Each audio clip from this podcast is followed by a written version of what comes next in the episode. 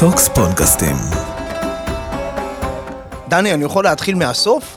ת- תמיד תתחיל מהסוף, כדי שאחר כך נוכל לחפור אחורה. אוקיי, אז נכון בדרך כלל בסוף אה, מפגש, ראיון, אה, איך שנקרא לזה, אומרים תודה רבה שבאת, כאילו, הברכות בסוף, כאילו. הברכות בסוף. כן. אז לא רק תודה רבה, אני רוצה להגיד לך משהו, אני אוהב אותך. איזה חמוד, עוד לפני שפתחנו את הפרק. כן. כאילו, אתה אומר, עוד לפני שדיברנו, כן. אתה כאילו מזכיר לך ולי שאנחנו אוהבים אחד את השני. מאוד. לא רק אתה אוהב אותי, אני גם אוהב אותך. כן, תודה. אבל למה אתה פותח בסוף? כאילו, אתה, מה, אתה פוחד שתשכח לברך אותי? לא, אני רוצה להגיד לך שאני אוהב אותך, מה? כי אתה אתה, יודע, פותח. בא... אתה פותח בהודיה. כן, איזה יופי. כן. אני גם פותח, האמת שכל הזמן זה... אתה יודע שאני גם פותח וסוגר את היום שלי בהודיה? כן. כל בוקר וכל לילה. כל לילה כשאני עוצם את העיניים, אני אומר לאלוהים תודה על הכל. על הכל. על החיים, על המשפחה. בכלל היום, בימים על האלה, החיים. אתה קם בבוקר, כן. אתה חי, אתה לא נכון. חטוף, אתה לא בעזה במנהרות, הילדים שלך לידך בבית. כן. אתה יודע אתה שהשבוע... אוכל קצת יותר מפיתה, תגיד תודה. אתה יודע שהשבוע היה לי קטע שהלכתי לישון, דני, והיה לי קצת קר. כן. והתכסיתי. כן. וכשהתכסיתי, חשבתי על החטופים. אמרתי, תראה איזה יופי, אתה יכול להתכסות, הם לא יכולים להתכסות. כן. איפה האנשים האלה עכשיו? מה קורה איתם? אתה לא יכול להתכסות, וגם זה מתקשר למשהו ש... אני לא רוצה להגיד כתבתי שיר, כי זה לא שיר, אבל, אבל אם הייתי כותב שיר, אתה יודע איך הייתי קורא לו? באוטומט.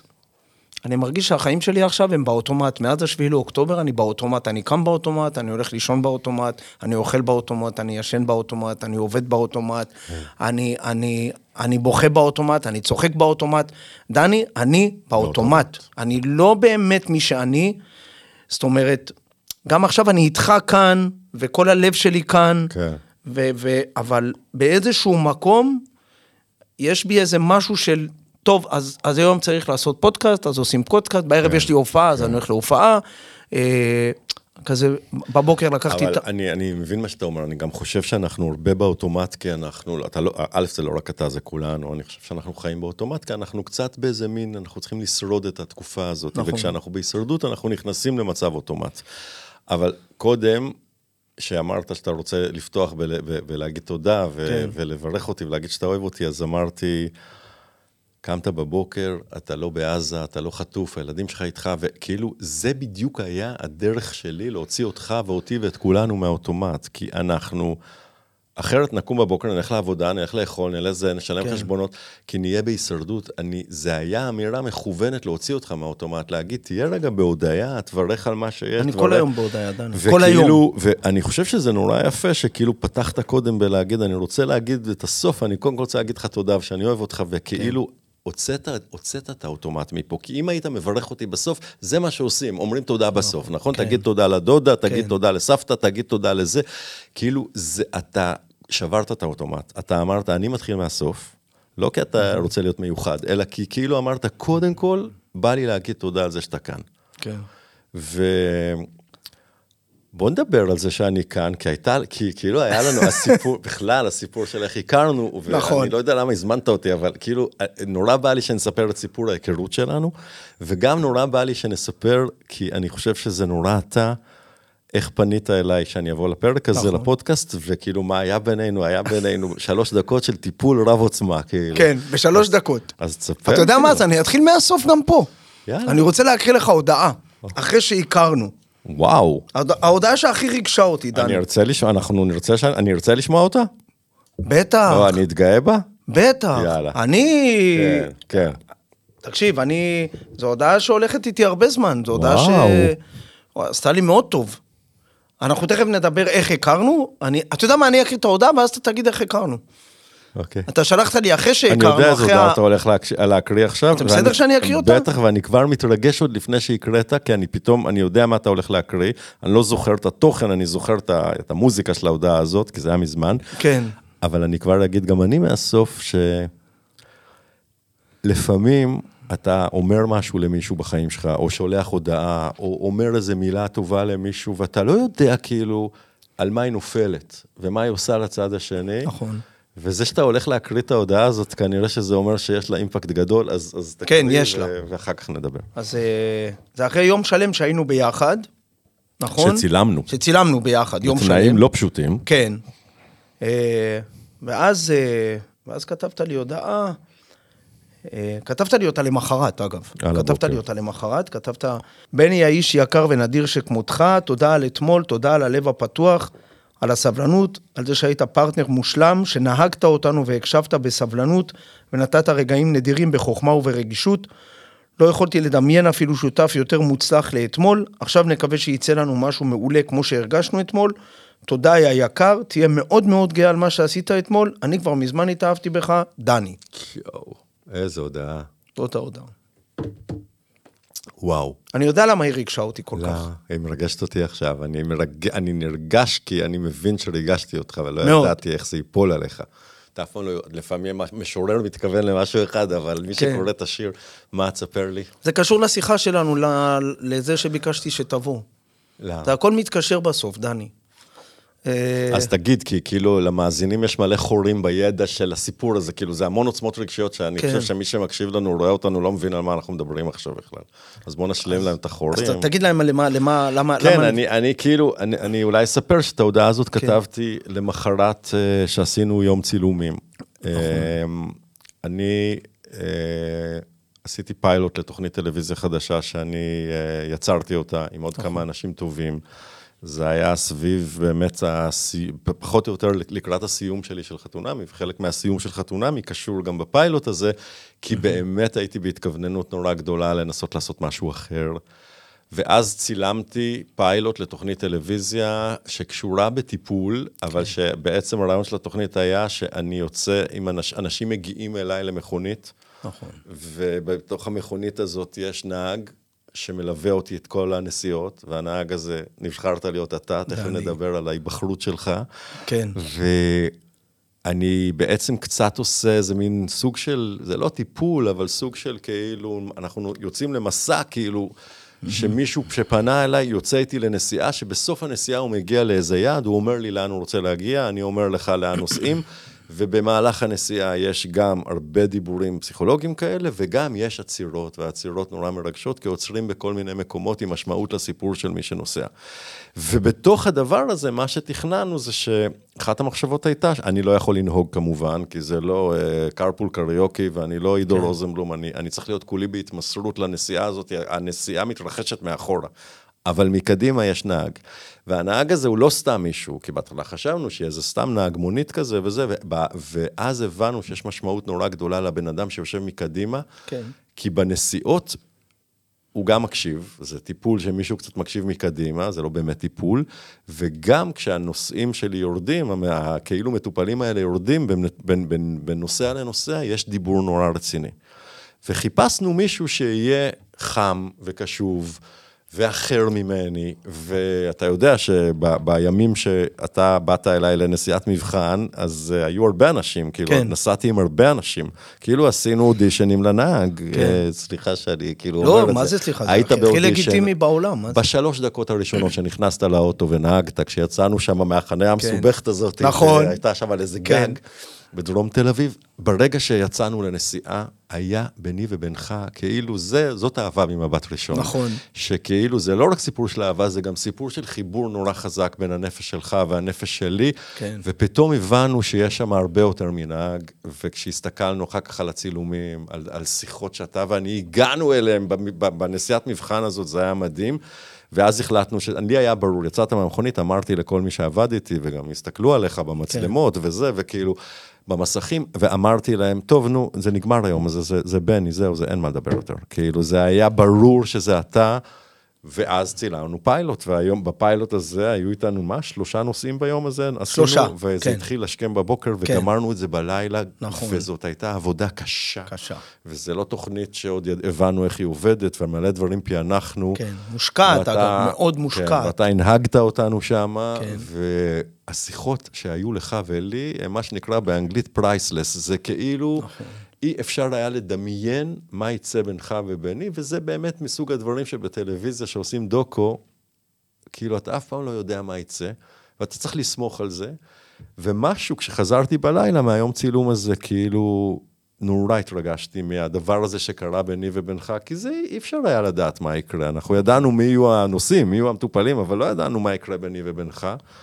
היו שם שיחות שכנראה לא, לא נכנסו בעריכה של הפרק הזה, אבל פעם אנחנו צריכים להשיג את השיחות האלה מהחומר כן. גלם, כי אתה סיפרת לי דברים מדהימים על עצמך, ועל המשפחה שלך, ועל הילדות שלך, ועל כן. האבהות שלך, ועל הזוגיות שלך. ואני סיפרתי לך, וגם היה איזה רגע שגם כאילו דיברנו על ההבדלים בינינו, ועל, וכאילו היה שם מסע, אה, באמת שכאילו, לא יודע, ששני לבבות נפגשים, אי אפשר להסביר את זה. כן. זה בלתי מוסבר, הדבר הזה שקורה בין שני אנשים. תקשיב, אה, אני חושב זה מתקשר, אגב, כל, תודה קודם כל, וכשדיברתי איתך להגיע לכאן, דני, ואז תמיד קורה לי- שנתיים אחרי, לא? כן, שנתיים אחרי, אני מתקשר אליך להגיד לך, ו... ובשיחה שלנו, קודם כל אמרתי, אם אתה לא רוצה זה בסדר, כן. אמרת, יש לי פודקאסט. יש לי פודקאסט. והתחלת לגמגם. כן, נכון. ואת זה, ותשאיר, ואמרת, כאילו, ותשאיר לעצמך את הזכות להגיד לא, ואתה לא כן. חייב. כן. ואמרתי, ומה אמרתי לך? בני, אני בא. מה? כן, וקודם אמרת, כל למה- תעצור למה את זה, אתה- מה זה, מה זה הדבר הזה? כן, אמרת כאילו? לי, למה אתה מתחיל מהלא? כן, וגם למה אתה מוכר לי כן. כאילו אה, מכונית מקולקלת? כאילו, אתה אומר, אה, אתה לא חייב לקנות, נכון. וזה זה, ואין לה מנוע, ויש לה פאנצ'רים, וכאילו, מי יקנה ככה? וכאילו אמרתי, זה כל כך אתה, זה אתה כל כך כאילו מקטין את עצמך, ומשאיר לי פתח להגיד לא. וכאילו, קודם כל, איך שהתקשרת, קודם כל אמרתי לך, קודם כל אני בא, בוא נתחיל מזה. אני בא כי אני אוהב אותך, ואני רוצה להיות איתך בהתחלה של המסע שלך, וגם כי, כי כיף לי לדבר איתך. ואפילו לא אמרנו על מה נדבר בפרק הזה, אני אפילו לא יודע על מה הפודקאסט שלך, ואני לא יודע אתה יודע על מה הפודקאסט שלך, ואני כאילו אמרתי, אני בא לדבר איתך. אני בתקופה, מאז שסיימתי בחתונמי, שכל מה שבא לי זה להיות בדיבור עם אנשים. מכל הקצוות ומכל הסוגים, ולא רק עם פסיכולוגים, אני עושה המון פודקאסטים כאורח. כן.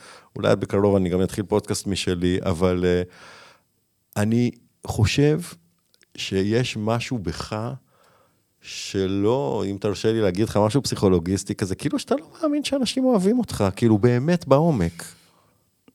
כן. כאילו... לא יודע אם אוהבים, המילה, אני לא יודע או אם המילה... תופסים ממך, או מעריכים אותך. מחזיקים ממך. כן. כן. כאילו אוהבים אותך כי אתה נחמד כן. ומצחיק, אבל, אבל כאילו מעבר לזה אתה לא מאמין שיש משהו שתופס, שמחזיק מים. אתה צודק. אתה יודע, וה- וזה... אתה יודע, כל דבר שאני עושה, תמיד אני שואל בפליאה, למה לקחתם אותי? למה דווקא אותי? למה אני? כן. למה אני? למה קראתם לי לדבר הזה? אתה למה... מבין שאתה היית באודישן הזה ל- לנהגים, שי- לאחד הנהגים שיעשו את זה, אתה מבין שאיך שסגרת את הדלת מאחוריך זה היה ברור שזה אתה, לכולם, לא רק לי. אתה מבין אבל מאיפה זה בא, דני? אתה יודע מאיפה זה בא? אתה צריך להבין מאיפה זה אני בא. יודע מאיפה זה בא, מה זה? אז לא יודע, זה בא ממקום אני שכנראה יודע של מאיפה מישהו זה בא. שנורא חושב שהוא לא מספיק שווה, ולא מספיק רוצים אותו, והוא לא מספיק ראוי, והוא לא יודע, הוא לא, הוא לא, כאילו, זה בא מ... פעם חשבתי שזה צניעות, אבל זה לא מצניעות. לא, זה לא צניעות. זה בא ממקום אחר. אני תמיד אומר, אה, וואי, אני מקווה שלא יכעסו עליי המאזינים, אבל זאת האמת, מה לעשות? אה, אני מאוד אוהב את אימא שלי, דני, מאוד. היא נתנה ונותנת את חייה למעננו, באמת, כל החיים. אבל אה, היא אף פעם לא אמרה לי משפט אחד. אתה יודע איזה? אני אוהבת אותך, אתה הצלחת, אתה הצלחת. אף פעם. היא אמרה לך שאוהבת אותך? כן, כן. כן. אולי, אולי כהצלחה זה לא המדד הכי חשוב אצלה היה? לא, לא, זה כן. זה כן? זה המדד הכי חשוב, וזה גם... אה, אבל מה זה להצליח יש לה- בשבילה? מה זה להצליח בשבילה? יש כל- לאמא כל שלי כל אימא וההצלחה שלה, אז כן. אני אתן לך בדיוק את התשובה, שיש לאמא שלי ראייה על הצלחה, אה, נגיד לימודים. לימודים זה הצלחה, כן. אוקיי? אה, אני זוכר, לא היית כוכב גדול שם. לא, הייתי בהתחלה ואחר כך זה הידרדר. כן, כן. כן. אה, אני זוכר, אני אספר לך סיפור. אני אספר לך סיפור. הייתי, אה, הופעתי בקרוז על אונייה, כן. אוקיי? שנוסע בעולם, וזה משהו מגניב לאללה. באמת לאלף ישראלים ששתים באונייה. ב... ו... ובמהלך ה- הקרוז, ב- באחד, באחת הפעמים, הופעתי שש פעמים. שש, כאילו שישה סיבובים. כן. באחת הפעמים אימא שלי... הפלגות עשית? שש פעמים, כל מה פעם שבוע. זה כמו ספינת הקורונה נשמע לי. מה? כמו ספינת הקורונה, אתה זוכר שבהתחלת כן. הקורונה היו איזה כן, כן, נוסעים נכון, שנתקעו על ספינה ולא נתנו. להם לרדת. חשבו שהם נושאים את המגיפה הכי מסוכנת בעולם, היו מלא ישראלים שם, הוציאו. אותם לטייל כמו אסירים. זוכר. ספינת הקורונה, נו. אז. עשיתי שישה סיבובים, כל פעם מישהו אחר בא איתי, חגית באה איתי פעמיים, אימא שלי, חבר טוב שלי בא, עוד חבר. באחת הפעמים אימא שלי באה, ו- אגב, למה הם באו? הם באו... כי אתה יכול להביא איתך מישהו, זה רצית- שבוע, זה גם טיול, זה משהו כיפי. קצת רצית שיראו מה אתה עושה. מה? קצת רצית שיראו גם מה אתה עושה, האנשים האלה, היקרים. לא, לא, זה, אני קראתי לזה לפנק את האהובים שלי. הבנת, הבנתי, זה אתה היה כאילו משם. פרגנת להם, אוקיי. כן, זה היה משם, זה מאוד רציתי... עד שאימא שלך באה, שזה כבר יותר מורכב. באה. כן, זה לא רק לפנק את אימא, זה עוד דברים שאתה כן. צריך מאימא שלך. כמו אה, כולנו. ברור. כן. ואז היא באה, ואני לא אשכח ש... אה, אה, במהלך הנסיעה, ההפלגה, אה, תפס אותי איזה בחור, התחלנו לדבר, אתה, יש שם אלף ישראלים ואתה, יש, יש הרבה אינטראקציה עם הנוסעים, זה כיף. כן. יש אנשים, ישראלים, כיף. אתה מכיר מלא אנשים, זה מאוד כיף. טוב, זה גם קהל שבוי, אין לו לאן ללכת. גם נכון, אין להם לאן ללכת, כן, לא כן. ו... ובאחת הפעמים מישהו בא, הוא אומר לי, בני בוא, בוא לבר, אני רוצה להזמין אותך לשתות. אמרתי לו, בוא, בכיף. התחלנו לדבר וזה, ואז אני אומר לו, מה אתה עושה? והוא אומר לי, אני טייס. אה, וסבבה, סיפר לי קצת, ואשתו היה עם הילדים וזה, ו... ו... ו... אה, והוא אמר, תשמע, אני מתנצל, אתמול לא הייתי בהופעה, אשתי הייתה, אבל היא אמרה לי שהיה מאוד טוב, ותזמין אותי כשאתה בארץ, ו... והחלפנו טלפונים, ובסדר, ואז... ואז אני בא לאימא שלי, והיא אומר, אומרת לי, מי זה? הבחור שישבת איתו בבר? הכרתי אותו. מה הוא עושה? אז אני אומר לה, הוא טייס. ואז אימא שלי, וואו, יש לך חבר טייס? אז אמרתי לה, לא, אימא, לטייס יש חבר סטנדאפיסט. הופה. זה הפוך. למה... למה, כן. את, כאילו, בסדר, הוא טייס ואני מאוד מכבד, אתה יודע. האמת שיש שני סוגי אנשים שאני מעריץ, טייסים ורופאים, ובאמת, אה, דו, דוקטורים. ופסיכולוגים בטלוויזיה. פסיכולוגים, כל מה שקשור לרפואה, דני, אני מעריץ, כן. כל באמת. מי שרואה קצת לעומק. כן. כן. אז, אז היא אומרת, או-אה. אני אומר לה, אבל למה את לא אומרת הפוך? למה או-אה? למה או-אה? אני פה גם, כאילו, הוא, הוא, הוא ביקש לבוא לשתות איתי, למה את לא אומרת, וואלה, בני.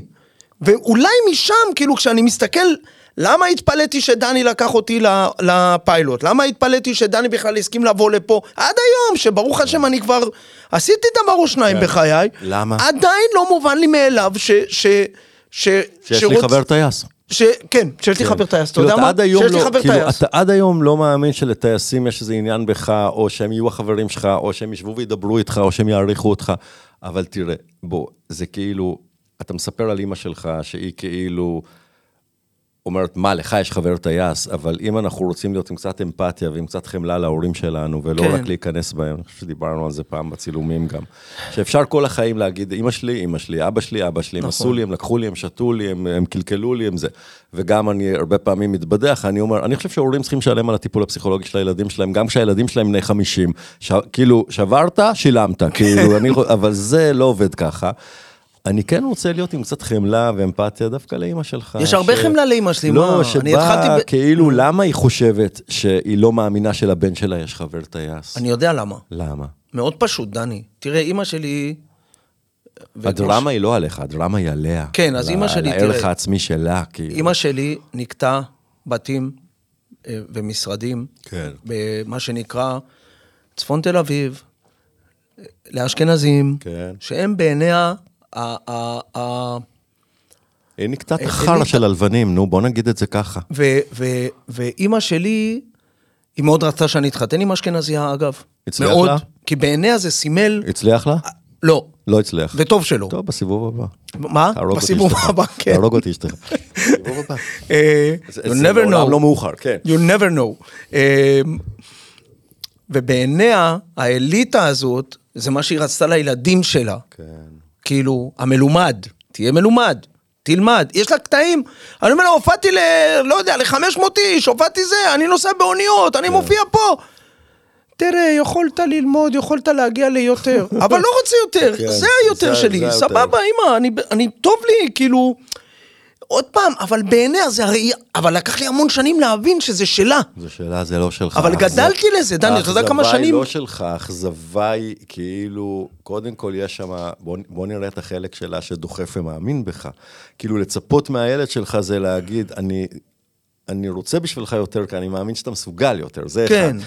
ושתיים, זה נוגע בנחיתות שלה, זאת האישה נכון. שכאילו באה מהמקום שהיא באה, והיא כאילו, אתה יודע, היה פה קשה בארץ הזאת, היה פה ממסד לבן ו- וחזק ומלומד, והיו פה הרבה עניינים של שחורים ולבנים שנשארים עד היום מהשאריות של זה. תודה לאל שאנחנו כבר לא שם, וכל אחד פה יכול להיות כל דבר. אגב, רק אני רוצה להגיד, אבל אני מעולם, מעולם, כן. בתוך כל מה שאתה אומר, דני, אף פעם לא הרגשתי מקופח בתור מזרחי, או לא יכול לא, להצליח. אבל, אבל כי, הנה, אתה לא, כי זה לא הדור של ההורים שלנו. אתה מבין? אבל אימא אף שלך פעם לא הרגישה... הרגשתי את זה, אני- היא- אני אני אומר את זה במלוא הכנות, באמת לא הרגשתי. מדהים, וזה מדהים, אבל היא כן, והיא רצתה בשבילך... לא רק שתהיה חבר של הטייסים, אלא שתהיה טייס. אתה נכון. מבין? היא, ואני חושב שאתה ורופא. כבר אבא היום, אז אתה יודע שאנחנו רוצים את הכי טוב בשביל הילדים שלנו, אבל אני גם תמיד אומר שאנחנו צריכים לרצות הכי טוב של הילדים שלנו, אבל, אבל אנחנו צריכים לזכור שזה לא אנחנו. נכון. הם לא פה בשביל להגשים אותנו, אנחנו רוצים לדחוף אותם, לעזור להם, להיות גאים בהם, אבל בסוף... אומרת אה, עינת נתן, שעשיתי איתה את מבחן ההורים הגדול, כן. כן. עינת נתן, המדריכת ההורים הדגולה וחברה טובה שלי, אומרת, הילדים שלנו הם לא כרטיס הביקור שלנו. אנחנו לא מסתובבים בעולם ואומרים, הילד שלי ככה והילד שלי ככה.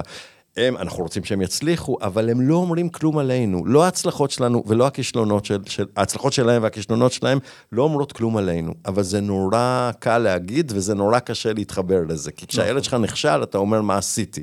וכשהילד שלך נורא מצליח, אתה דופק על החזה. אבל אם נחזור לאמא שלך, ובעצם נחזור אליך ואליי, ול... לאיך שאתה מסתובב בעולם בעצם עד היום, אתה סופר מצליח וסופר אהוב, והולך לך, ו... אבל אתה לא טייס, אבל, אבל, גם אני לא, אבל אה, אח שלי טייס, אני לא טייס, אה. אבל כן, אבל זה, כן. אה, אה, תראה, אני חושב שבסוף אנחנו נושאים איתנו ובתוכנו את ההורים שלנו, גם את המשפטים שלהם ואת מה שהם כן. אמרו לנו, וזה גם אחר כך יוצא לנו על הילדים שלנו. אני ביום ששמעתי את עצמי אומר לבת שלי, תנעלי נא לבית, קר לי לראות אותך, אמרתי, יואו, אני לא מאמין שהמשפט הזה יצא ממני. קר לי לראות אני אותך. שומע את אימא שלי, את סבתא כן. שלי, וכנראה את הסבתות שלה שמתו באושוויץ, אני שומע את דורות אחורה שמהדהדים מתוכי במשפט הזה, מאיפה זה יצא ממני, הפולניה הזאת עכשיו. זה יוצא מאיתנו, כי ההורים שלנו בתוכנו. וגם אני אגיד משהו קצת יותר עמוק, כמעט על גבול המיסטי. אני חושב שאנחנו נושאים בתוכנו לא רק את ההורים שלנו בפועל, את אימא שלך שאמרה לך כל מיני דברים, כן. אלא אנחנו נושאים דורות אחורה. אז כשהילדים שלה, שאישה מנסה, לא יודע, להאכיל את התינוק שלה, להניק אותו, ולא מצליח לה, היא שומעת בסרט שלה הפנימי את הסבתא שלה, ואת הסבתא נכון. של הסבתא שלה, ואת הילדים מאושוויץ, ואת הילדים מפה, ואת הילדים מהפרעות במדינות ערב. אנחנו שומעים את כל ההיסטוריה מדברת אלינו. כשאת לא מאכילה את הילד, אז גם, הילד, גם, ה, גם הבני דודים שהם מתו באושוויץ, את שומעת אותם. זה אתה יודע, בתוכנו. זה, זה מתקשר לי למשהו שאני תמיד אומר, תגיד לי אם זה, אם זה דומה למה שאמרת, דני, אני תמיד אומר שכשאתה מתחתן, אתה לא מתחתן רק עם הבן אדם. לא. אתה מתחתן, אני התחתנתי לצורך, אני התחתנתי עם חגית, התחתנתי עם אימא שלה, והתחתנתי עם זה שאבא שלה מת בגיל 6, ודאי. והתחתנתי עם האחים והאחיות שלה ועם השכונה שלה. בהיסטוריה הרחוקה הכל, רחוקה. התחתנתי עם השכונה שלה, התחתנתי עם כפר סבא, כן. התחתנתי עם הבית ספר, עם החברים שלה. You get the whole package, מה שנקרא. לגמרי. אז ואתה העיצוב של האישיות שלנו, ואתה פה נותן את הרשימה של הדברים שאתה יודע. את השכונה שלה, את הבית ספר שלה, את נכון. המשפחה. מה עם הדברים שאנחנו לא יודעים על עצמנו, שהם דורות אחורה, שזה כמעט נשמע רוחני מה שאני אומר, ואני לא כזה, אני מאמין בכאן ובעכשיו, ואני עם רגליים על הקרקע. אנחנו נושאים בתוכנו דורות אחורה של אכזבות, של כישלונות, של רעב, של רדיפות, והעם היהודי, ברוך השם, אנחנו בפוסט-טראומה, לא צריך את החמאס בשביל שיהיה לנו פוסט-טראומה של דורות אחורה. וכשאתה יושב בבר, בהפלגה הזאת, כן. באוניית הישראלים הזאת, ומדבר עם הטייס, ואתה, ואימא שלך שואלת אותך מי זה, ומיד עולה הדיבור, הנחות שלה, הלא מאמין שלה, כן. הקטן שלה. אימא שלך נושאת בתוכה שאיפות ורצונות וכמיהות וחלומות של ההורים שלה ושל ההורים של ההורים שלה, ולא הכל אנחנו יודעים, כאילו פרויד, האבא של הפסיכולוגיה, תמיד היה אומר שהנפש שולחת לנו פקסים. אוקיי? עוד לא היו פקסים אז, כן. אבל, והיום כבר אין פקסים, אבל כאילו שהלא מודע שלנו שולח לנו פקסים, ואף אני מאמין שגם ההיסטוריה שלנו שולחת לנו פקסים. אז כשאתה לא מאמין שבחרנו בך, שאימא שלך לא מאמינה ש... אתה, יש לך חבר טייס, אז יש לך גם חבר פסיכולוג, אני מבקש, כן. תכניס את זה לרזומה שלך גם, כן, חבר שלך. וכשאתה מתקשר... מה, אתה יודע מה היא אמרה כשידעה שאני נפגש איתך? אמא וואו. שלך? וואו, איזה. התרגשות. מה, אתה נפגש עם... מה, באמת? דני יבוא? היית צריך להעביר אותה, להביא אותה לפרק, והיינו ממש. ביחד היינו צריכים פעם כן. הבאה. אבל תראה, אימא שלך מדברת דורות אחורה. של הצלחות וכישלונות וערך עצמי, ולהרגיש כזאת או להרגיש כזאת, ואם המאזינים לא רואים עכשיו, אני עושה כן, עם היד כן. למעלה ולמטה, כאילו, כן. של להרגיש למעלה ולהרגיש למטה. אימא שלך רגילה להתמקם בלמטה? זה הסיפור שלה, זה הטרגדיה שלה, זה המקום שהיא הגיעה אליו, אבל היא רוצה בשבילך שאתה תתמקם בלמעלה, וכשאתה בלמעלה, ויושב עם טייס, היא לא מאמינה. היא חושבת שלת... ש... ש... שאת... איך יש לך חבר טייס? אני חושב שאנחנו לנצח נישא בתוכנו את השאיפות של ההורים שלנו, את הפחדים של ההורים שלנו, ועוד הרבה דורות אחורה. וזה קטע, וכשאתה מתקשר אליי ואתה אומר לי, תגיד, אתה יכול לעשות איתי פודקאסט, אבל אתה לא חייב, אתה לא רוצה, ואם תגיד לי לא... אז אמרתי לך, עצרתי אותך, שאמרתי לך, בני, בני, שנייה. כאילו, א', ככה לא משווקים, בוא נתחיל מזה, כן. זה שיווק גרוע, אתה כן. ככה לא תמכור לי שום דבר, אבל אתה רוצה שאני אבוא להיות איתך, אתה כבר יודע שאני אוהב אותך. תראה, פתחת עם ההודעה הזאת, אתה יודע שאני אסיר תודה אליך, אל מה שהיה בינינו אז בפרק כן. הזה. ברור שאני לא עושה שום דבר כי אני חייב, אני עושה רק דברים כי אני רוצה. הגעתי לגיל שאני כבר יכול לעשות רק דברים שאני רוצה, חוץ מלשלם מס הכנסה שאין לי ברירה. אבל כן. כאילו, זה לא היה לך ברור עמוק בפנים שאני אגיד לך כן? לא. לא. יכול להיות שהיית אומר, לא, בני, עזוב אותי. א', לא... יכול להיות שהייתי אומר לא, אבל לא הייתי אומר לך לא. אגב, ולא הייתי, אני, יש לי, יש לי מוטו שאני העברתי לילדים שלי, ואני אומר אותו לפחות פעם, פעמיים בשבוע לילדים, אני אומר להם, תקשיבו, כשאתה מבקש ממישהו משהו, תמיד תזכור שיש 50 אחוז סיכוי שהוא יגיד לך לא. בדיוק. נכון. זאת בקשה, זה לא הוראה. אתה מבקש, והצד השני יחשוב, ואם הוא נכון. יגיד לך לא, תאהב אותו באותה מידה. אתה יודע, לא, לא. הי- הייתי הבוקר... לא ב- הייתי, אגב, לא הייתי, לא הייתי מתאכזב ולא הייתי חלילה כועס ולא... ברור. לא, אז לא. הכל אבל- בסדר, מה זה, זכותך. אבל תגיד לאבא של הילדים שלך, שכשאתה מצפה גם לתשובה שלילית, שיש 50 אחוז סיכוי שיגידו לך לא, תגיד לאבא שלהם שיש גם 50 אחוז סיכוי שיגידו לך כן. אתה שם את הספוט בשביל הילדים Mm. שלך, וזה חשוב, אתה אומר להם, תקשיבו, כשאתם מבקשים משהו, תיקחו בחשבון שגם יכול להיות שתקבלו תשובה שלילית. נכון. אבל לך אני צריך להזכיר שיכול להיות שגם תקבל תשובה חיובית. כן. ואתה יודע ממה אנשים הכי מפחדים, בני? נו, לא מכישלון, מהצלחה. מהצלחה. אתה צודק. אנחנו הרבה יותר מפחדים שיגידו לנו כן, מאשר שיגידו לנו לא. נכון. אנחנו הולכים כל הדרך, אנחנו הולכים למנהל הבנק לבקש הלוואה, אנחנו הולכים לבוס שייתן לנו העלאה, כן. אנחנו רוצים להציע חברות לילדה בכיתה, אנחנו רוצים בטינדר לפנות למישהי או למישהו ו- ומפחדים שהוא ידחה אותנו. כן. פעם היו מזמינים לרקוד במועדונים, אתה רוצה לגשת למישהי, אתה לא ניגש. אתה רוצה להתקשר לדני שיבוא להיות אורח בפודקאסט שלך, תקשיב, אתה כל כך מתכונן ללא, שאתה לא משאיר בכלל אופציה בפנטזיה לכן, וכשאתה פנית אליי בטלפון, אמרתי לך, בני, תעצור עם, ה, עם כל הלואים האלה. קודם כל, הנחת היסוד היא שאני אומר לך כן. כן. עכשיו בוא נדבר על מתי, בוא נדבר על אם, בוא... קודם כל כן.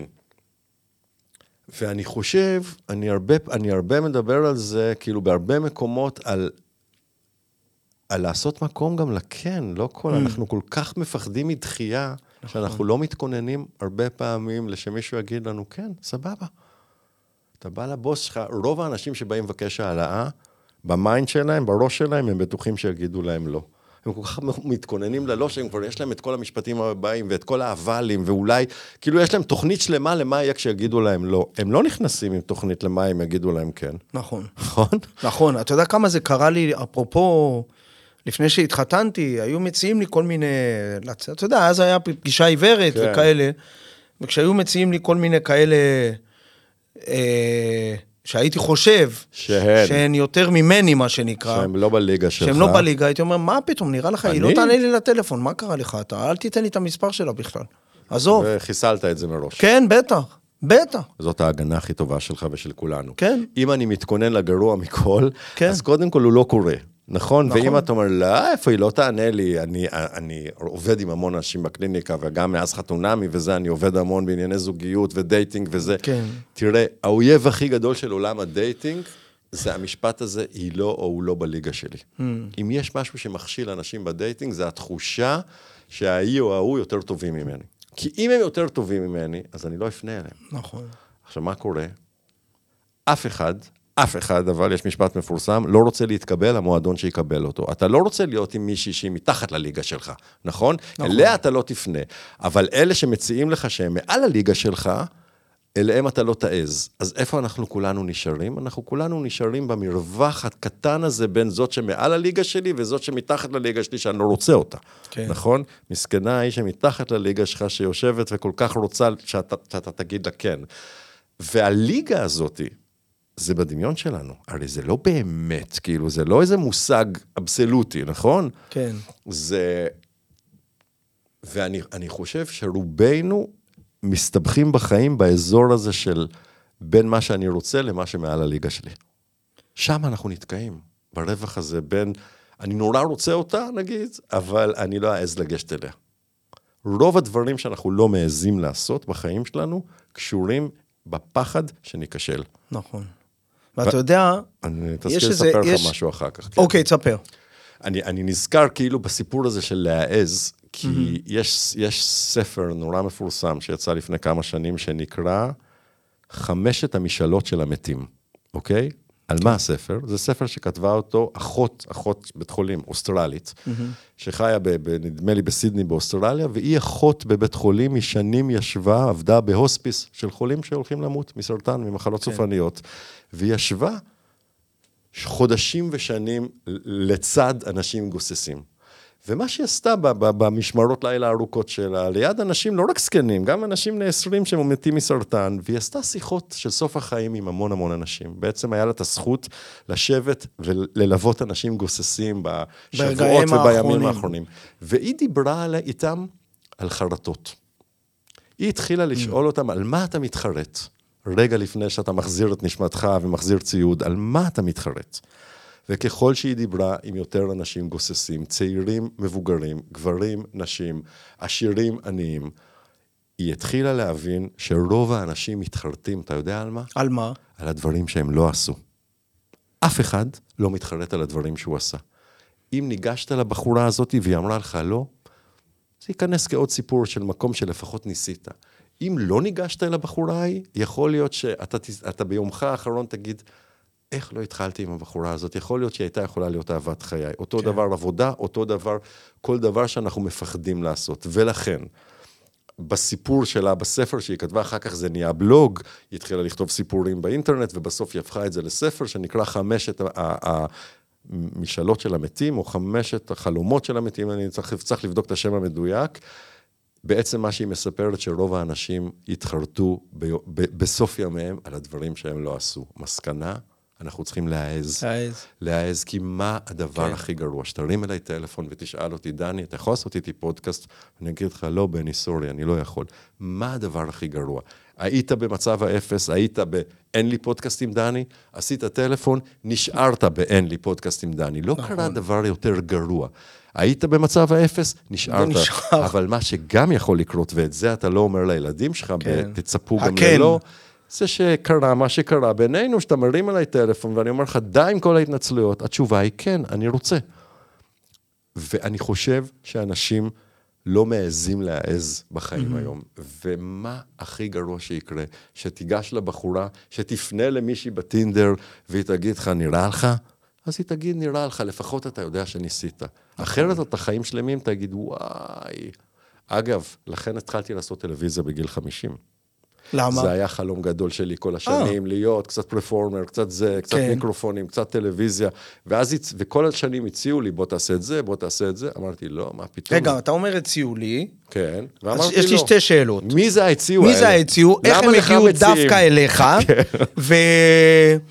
אני לא היה יודע, אודישן, אני לא דני? יודע אם יש לך ל- סיווג ביטחוני לקבל את כל התשובות אה, האלה. אוקיי. אבל אה, לא, כאילו, לאורך השנים, תראה, בגלל שהרציתי הרבה כל השנים, והייתי מוכר, כן. ואתה יודע, ויש לי כל מיני חברים, כל מיני מקומות, הציעו לי כל מיני פעמים, בוא תשתתף בכל מיני מיזמים בטלוויזיה, כפסיכולוג. כן. אמרתי, נראה לכם? זה ישרוף לי את הקריירה, אני אעשה בידור מהמקצוע שלי, זה אני למדתי מאוד קשה, הרבה שנים, זה כן, קשה להתקבל, היה לי קליניקה מצליחה כבר כשפנו אליי, הייתי כמעט בן 50 כשפנו אליי, ואז אמרתי, יאללה, דני, 50, עוד שנייה 60, עוד שנייה 70, וזה תכף נגמר. זהו.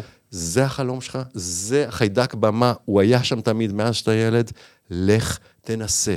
מה הדבר הכי גרוע שיקרה? אותו דבר עם, ה, עם, ה, עם הפרק פיילוט הזה שהפקתי איתך ביחד, כן. כאילו, מה הכי גרוע? שיגידו לך לא? אז אמרו לך לא. עוד יום אחד עוד אולי יגידו כן, ואם לא, לפחות תדע, לפני שתעצום את העיניים שלך, שניסית לעשות תוכנית משלך, לפחות כן. הייתה לך עוד הרפתקה, ועשית פודקאסט, ועשית טלוויזיה, ואמרת, ניגשת לבחור או לבחורה הזאת, ואז הרי בסוף שנסגור את העיניים שלנו ונחזיר את הנשמה שלנו, אנחנו רוצים להישאר עם המון תחושות של שהעזנו. נכון. כל הדברים שלא נעז, לא היית מתקשר אליי, חביבי, לא היינו עושים פודקאסט ביחד. נכון.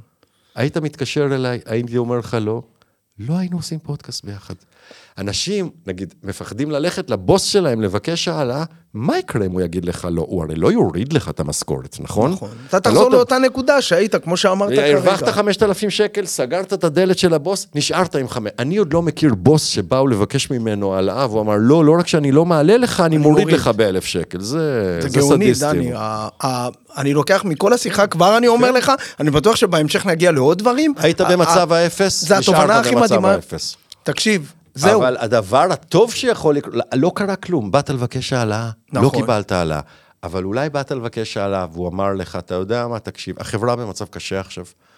באפריל אנחנו נתאושש, תיכנס אליי עוד פעם, יש סיכוי גדול שאני אעלה לך. Mm-hmm. אגב, זאת גם אותה תשובה שהיית יכול לקבל ממני בטלפון על הפרק היום. הייתי יכול להגיד לך, בני, תקשיב, אני מת לעשות איתך פרק. אני עכשיו, בחודש, חודשיים הקרובים, סופר עמוס, תתקשר אליי באפריל, אני לא מנפנף אותך, אני כן. אומר לך, באפריל תבוא. כן. אנשים גם הרבה פעמים שומעים לא, ולפעמים אומרים להם לא עכשיו. גם נכון. ילדים אומרים, אבא, אבא, אפשר זה, אפשר זה, אפשר ביסלי, אפשר... לא, עכשיו לא, אבל בסוף שבוע אתה יכול ממתקים. או אני אתפנה אליך אחר כך, תזכור תמיד שלא, זה לא כזאת, זה לא כזאת תשובה גרועה. כן. זה משאיר אותך איפה שהיית, לא יותר מזה. זה מדהים בעיניי, אני אומר לך, שוב פעם, את זה אני לוקח איתי, כן. זה הדבר עכשיו כן. ש... אבל אתה יודע, אני חושב, ותרשה לי להגיד, דני, שאני מוצא פה איזה קו משותף בין שנינו, אני חושב שלא סתם, אני בן 51, אתה... 55. כן, חמש. אבל חתונמי התחיל ב... לפני כמה שנים? בחמ... ביום הולדת 50 שלי. ביום הולדת 50. סיפרתי לאנשים במסיבת הפתעה שעשו לי. כן. בעוד כמה חודשים אני הולך להגשים חלום, כבר הייתי בצילומים. אתה חושב שזה לא סתם קרה דווקא בגיל הזה? כי גם מה שאני, מי כן. שאני היום, דני, כן. המעל 50 הזה, כן. עשה לי משהו מופלא.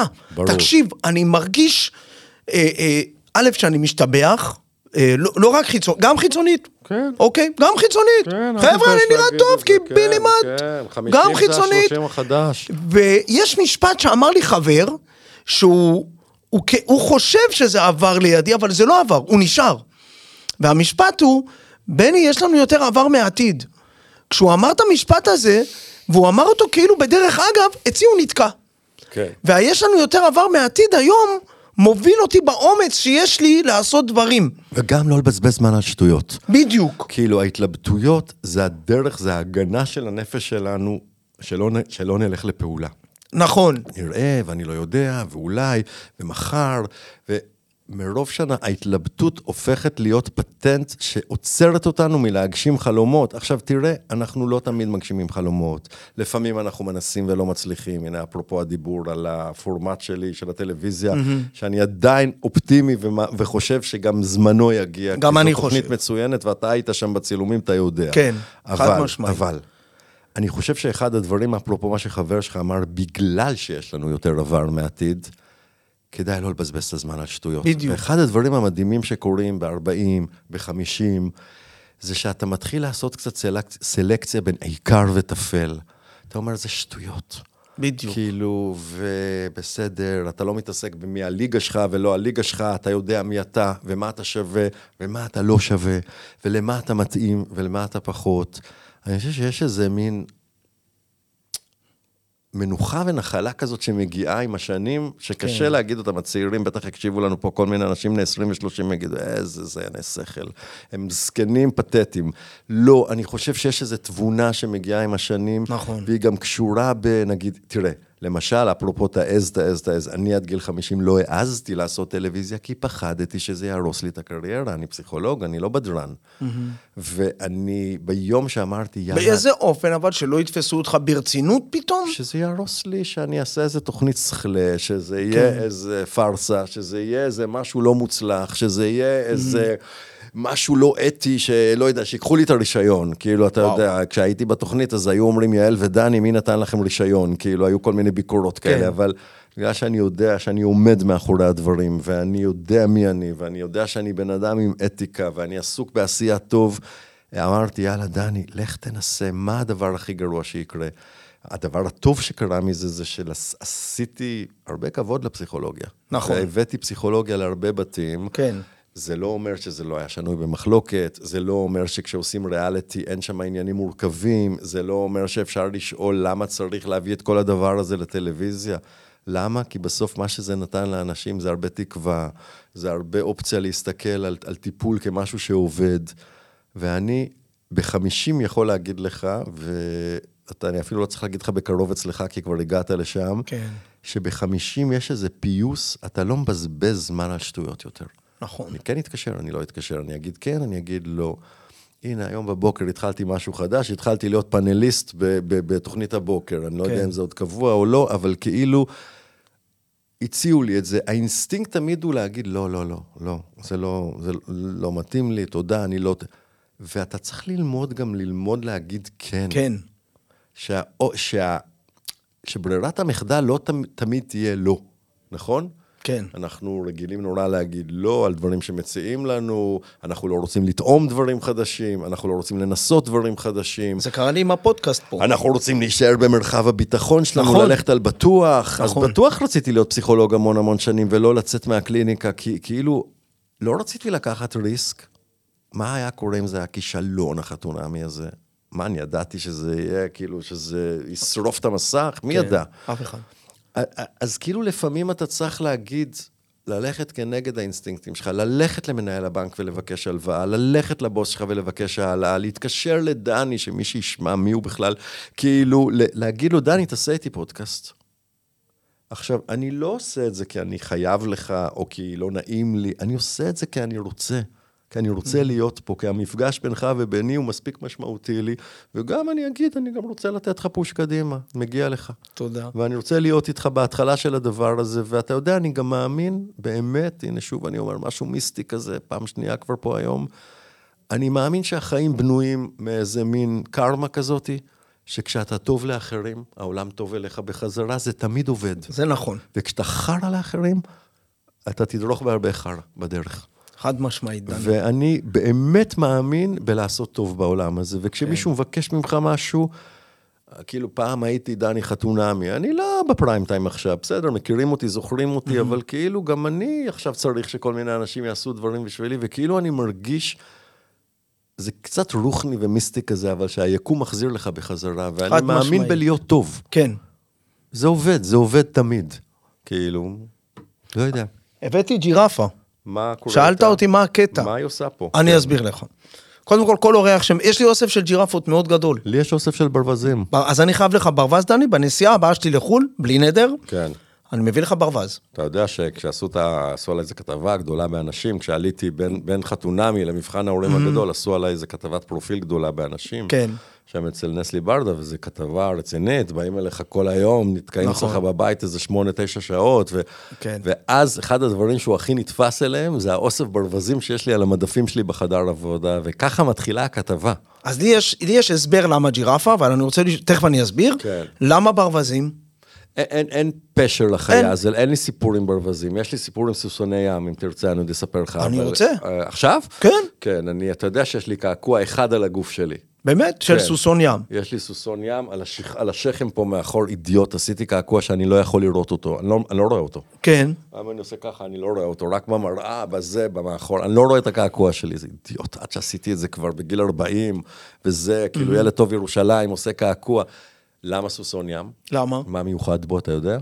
לא? אתה יודע מה מיוחד בחיה הזאת? לא. יש לה ייחודיות אחת גדולה בטבע. משהו שהיא מפרה את עצמה משהו? לא, לא, זה חלזונות. אה, אוקיי. הם יכולים להיות גם זכר וגם טוב, אז אני נקבה. לא- לא יודע. אה, לא, הם יכולים, החלזונות, שהן חיות כל כך פשוטות ופרימיטיביות ברמה, הם כאילו יכולים להיות, לתפקד גם כזכרים וגם כנקבות. אה, אוקיי, כן, לא ידעתי. אז תלוי כאילו איפה אתה מתמקם.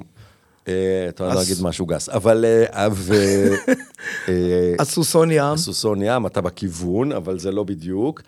זה הזכר היחידי בטבע שנכנס להיריון.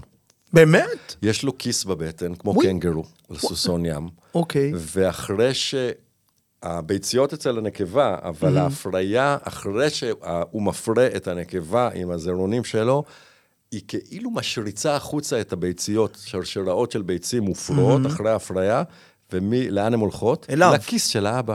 והיא יוצאת לבלות עם החברות שלה, לא נהרס לה הגוף, אין לה קמטים, אין לה סימנים, והוא בהיריון, הוא לא באמת בהיריון, הוא כאילו דוגר עליהם, הוא כן. מחזיק אותם בתוך הכיס שלו, כן. וכשהם מוכנים, הוא מרביץ השרצה במים, זה ריקוד כל כך יפה, אתה צריך פעם להיכנס ליוטיוב, לכתוב סוסון ים בהמלטה אוקיי. או בהשרצה, זה ריקוד, הוא רוקד, הוא כזה עושה כאילו התכווצויות בבטן כאלה, ויוצאים לו מאות סוסוני ים קטנים, ממיקרוסקופים לא רואים אותם, זה חיה סופר קטנה, היא בגודל של הציפורן של הזרת כן. שלנו, היא חיה סופר קטנה. וזה מגניב אותי, זכר שיכול להיות בהיריון. כי איזה אני, יופי. זה החלום שלי, שאני אוכל... היית רוצה להיות בהיריון, דני? כן, בלי ללדת, אבל. כן, בסדר? כן. עד פה, לא ניסחף עם הזה, אוקיי. הריון אני מוכן, הייתי מת שהילדים שלי יצאו מהבטן שלי, מהגוף שלי. אתה יודע, יש לי ילדים מאומצים, יש לי שני ילדים מאומצים. יש בת ובן. אם מישהו עוד לא שמע, אני גיי ואני בזוגיות, ואני אחד הגברים, אני הגבר הראשון בארץ שיצא לאמץ ילדים בחו"ל, ever. אני אה. הגיי הראשון שאימץ, כן. וואלה. כן, כן, עשיתי היסטוריה. הם שכחתי. אחים? אבל לא, מה... לא, או שהם... לא, לא, הם לא אחים ביולוגיים משתי ארצות, אחד מרומניה, אחד מרוסיה, זה קרה אהה. בזמנים שונים בארצות אחרות. הם אחים לכל דבר היום, אבל כן. כאילו... אז אה, התחלתי לספר שנורא רציתי שהילדים שלי יצאו מהבטן שלי, אבל זה לא אפשרי גם כי אני גבר, אז, ואני לא סוסון ים. אבל כשהילדים שלי היו קטנים, אז נגיד הבת שלי, הייתה, הייתי אומר לה, היא הייתה אומרת, אבא, אני לא יצאתי מהבטן שלך, נכון? אמרתי לה, לא, אבל יצאת לי מהלב. נכון. כן, אז זה כאילו, רגע, כן, ובת כמה היא הייתה כשהבאת אותה? קצת יותר משנה וחצי. ואחרי כמה זמן, ובן כמה הוא היה כשהבאת עוד? ארבע שנים אחרי עשינו עוד אימוץ, כי בדרך היו עוד הרבה אימוצים שנפלו, וילדים שהציעו לנו ולקחו לנו, זה. סי- אימוץ זה סיפור, בחו"ל זה סיפור מאוד מורכב. ברוסיה, בזה, בכל מיני מדינות כאלה שאתה לא יכול לסמוך לא על הניירות, לא על המילה שלהם. כן. שוחד קטן, מישהו אחר לוקח את הילד. זה, זה מקומות נורא לא פשוטים בכלל.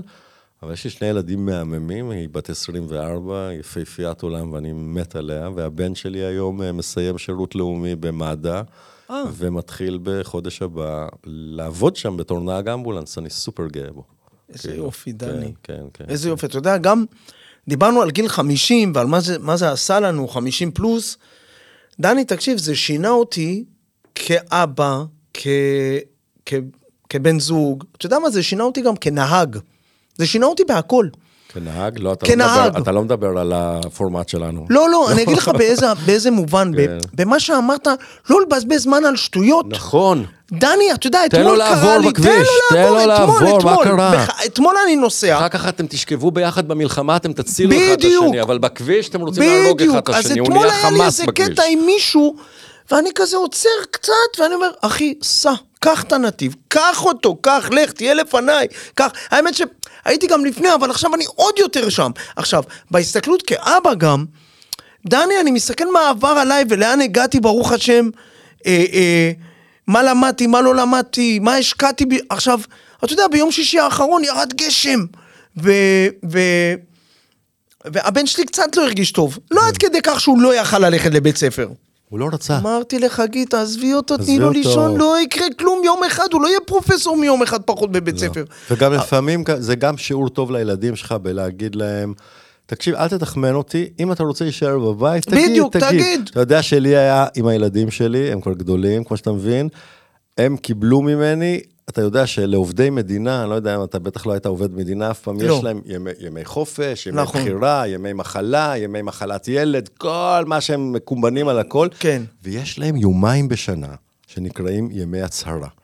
ימי הצהרה זה יום שאתה לא בא לעבודה בלי סיבה. כי לא אתה בא לא לך. צריך להיות חולה, כן. אתה לא מקבל יום בחירה, זה לא יום המוות של הרצל, וזה לא יום הזה. כן, לא צריך אין להרוג גם איזה. סבתא, אין, כלום. אתה לא צריך להרוג אף אחד, אתה לא צריך להגיד שאתה מקיא, ואתה לא צריך... כן. להגיד, "אה, לא, אני לא מרגיש טוב, וזה, אתה, אתה פשוט, יש לך שני ימים בשנה שאתה מצהיר שאתה לא בא לעבודה.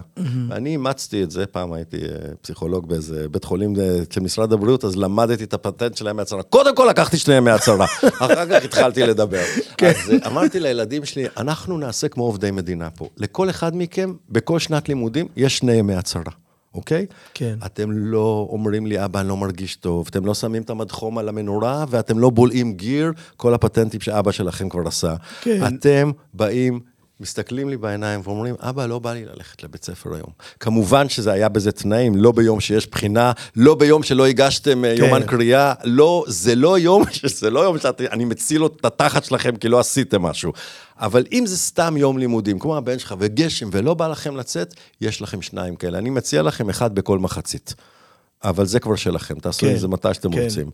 ויום הצהרה זה קונספט טוב, זה קונספט שמלמד את הילדים שלנו לא לתחמן גם. בדיוק. עכשיו, אצלי זה לא רק זה, דני. אצלי זה בא, זה אפילו שדרגתי את זה לציונים שהם מביאים. אה. לא סוף העולם, אני לא צריך את המאיות. כן. הכל בסדר. הכל בסדר. אתה תהיה בסדר, אתה תצליח. נכון. זה מה שאני אומר להם. אגב, אני מאוד מאמין שהם יצליחו גם. באמת, כל אחד בתחומו. ותקשיב, זה משחרר. זה משחרר גם אותך כאבא. עוד פעם, זה לא אומר שאני משחרר חסר אותך אחריות. מלהיות שוטר, זה משחרר אותך בדיוק. מלהיות ההורה הזה וכשאתה, אני שם לב שכשאתה נותן לילדים, אני, נת- הם לא מנצלים את זה, לפחות הילדים שלי לא. כן. הם מרגישים שוואלה, אבא סומך עלינו. כן, אתה כאילו נותן להם, אתה אומר להם, אנחנו ננהל פה דיאלוג של גדולים, אני סומך עליכם. בדיוק, אני סומך אתם עליכם. תגידו, אני לא רוצה ללכת היום לבית ספר, אתם כן. תסתכלו לי בעיניים, אתם תגידו לי את האמת, ואני אלך איתכם. זה לא יוכל לקרות כל יום. אתה יודע, לא הבת- כן. הבת שלי באה אליי יום אחד, אבא, תקשיב, אני לא רוצה ללמוד ערבית. היא לומדת ערבית, אני לא טובה בזה, עזוב אותי. לא רוצה. אמרתי לה, נועם, לא צריך. הכל בסדר. אגב, אני מאוד אהבתי ללמוד ערבית. אמרתי לה, זה בסדר. כן. לא אבל היא צריך. לא אתה, היא לא צריכה אבל את לא. רוצה, לא צריך. כן, בסדר, תראה, אפשר לשאול גם הרבה, אתה יודע, אחרי שעשיתי את חתונמי, עשיתי את מבחן ההורים הגדול, כן. תוכנית אלוהית, שאני לא חושב שתמשיך, אבל אחד הדברים שם שבדקנו הרבה מאוד, זה, את ההבדל בין הורים שדוחפים את הילדים כל הזמן, אל תוותר, אל נכון, תפסיק, ראיתי אל את זה. תזה, נכון. מול ההורים היותר כאילו פתוחים, ואתה כן. לא חייב, זה, ועכשיו, תמיד נשאל השאלה, האם אתה צריך ברגע הזה להגיד ל, ל, לילדה שלך, לא, אני חושב שאת צריכה ללמוד ערבית, אני חושב שאת יכולה לתת עוד מאמץ. כמו בתוכנית שם שהיה הילדים שטיפסו על מגדלים והם כן רצו ולא רצו, או שיש את ההורים שאומרים, אין דבר כזה, אתה לא מוותר. עכשיו, ההורות יושבת על ציר בין ההורים שלא מוותרים בכלל, להורים שמוותרים יותר מדי. אתה יכול לנחש שזה אבא אני הייתי? באמצע? לא, הלוואי, המוותר? ברור. כן. כאילו, אם קשה לך לא, אם אתה לא רוצה לפרוש מהחוג, אני נורא רך. עד ש...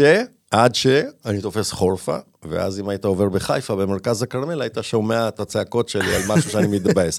אבל אני כאילו נורא נותן עד שבסוף אני זה. ואני חושב שהאמת צריכה להיות באמת באמצע, אתה צריך קצת לדחוף את הילדים שלך, וקצת, אתה, הם צריכים ללמוד לוותר, והם צריכים ללמוד לא לוותר. יש, יש עניין אבל, תראה, כן. הבת שלי הייתה צריכה לבחור בין שלוש לארבע יחידות מתמטיקה.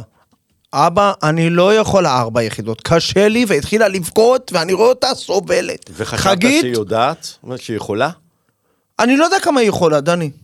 באנגלית לא- למשל, אתה לא אם- מספיק יודע מתמטיקה בשביל לדעת מה מצבה. בדיוק, נכון, כן, כן, ממש ככה. עכשיו תקשיב, לא רק זה, יש לה חוזקות אחרות. נכון. היסטריות, אנגלית, מדהימה. היא לא אמרה שהיא לא רוצה ללמוד. מה? היא אמרה שהיא לא רוצה מתמטיקה. לא, אני רוצה שלוש לה- יחידות. שהיא- חגית התחרפנה, לא, אתה מקל עליה יותר מדי מהר, אתה נכנע מהר, אבל חגית, מוותר, אתה ותרן, כן. כן, אתה, היא לא רוצה, תניחי לה. למה? והתייעצנו עם המורה, והתייעצנו עם היועצת, וכל אחד אמר משהו אחר. מעניין כאילו, אפרופו מה שאמרנו קודם, על כל מה שמהדהד לנו דורות אחורה, מעניין מי מדבר מתוך חגית ברגע הזה. מי דוחף אה, אותה, מי לא. ויתר לה, מי אמר לה את חייבת, מי... הרי בסוף, כמו שאני אמרתי, קר לי לראות אותך תנעלי נעלי בית, זה משפטים מפעם. אתה יודע מה? אני יודע מאיפה זה בא לחגית. אוקיי, אבל אני מקווה תשמור שהיא לא עליה, תכעס שאני תשמור עליה. מדבר על זה. אז אני מציע שלא ניכנס להיסטוריה של חגית, אבל אני בטוח, בטוח שיש סיבה ללמה היא לוחצת על הילדה שלה, היא סיבה הפוכה, אבל אתה יודע מה הסיבה? שעליה לא לחצו. ש... לא לחצו. ויתרו לה. כן. ויתרו לה. ואז היא אמרה, חבל, אז היום היא אומרת, חבל שוויתרו לי. עכשיו, גם את הצלחת, את בסדר. את עובדת בחברת הייטק, הכל בסדר, לא קרה כלום. כן, ואני חושב שההורות שלנו, כמו הזוגיות שלנו, כמו כל דבר שאנחנו עושים בחיים, זה או שאנחנו רוצים להיות לא ההורים שלנו, או שאנחנו רוצים לעשות קונטרה למה שההורים שלנו עשו, ואז חגית לוחצת במקומות שוויתרו לה. אני, כשעלתה התוכנית שלי עם ההורים והילדים, מבחן כן. ההורים הגדול, והתעסקתי נורא בשאלה של הורים לוחצים, הורים לא לוחצים, ממש לפני שעלינו לשידור, כי גם שאלו אותי על זה בכל כתבה אחר כך, איזה אבא אני, איזה אבא אני, אז שאלתי את הבן שלי, האלוף, אמרתי לו, תגיד, ויתרתי לך יותר מדי, כי הוא היה אלוף העולם בפרישה מחוגים, הוא היה בכל כך הרבה חוגים, קניתי לו כל כך הרבה ציוד, וגיטרה בס, ומכנסי כדורגל, וזה, וזה, וזה, וכל פעם הוא היה פורש, הוא היה, הוא היה פורש. אז uh, אמרתי לו, תגיד, ויתרתי לך יותר מדי? בחוגים האלה, נתתי לך יותר מדי בקלות לעזוב, הוא אמר לי, אבא, אני מה זה שמח שלא לחצת אותי. כי אחרת זה היה נהיה המלחמה שלי בך. בדיוק. איזה כיף היה לשמוע את זה. כאילו... מדהים.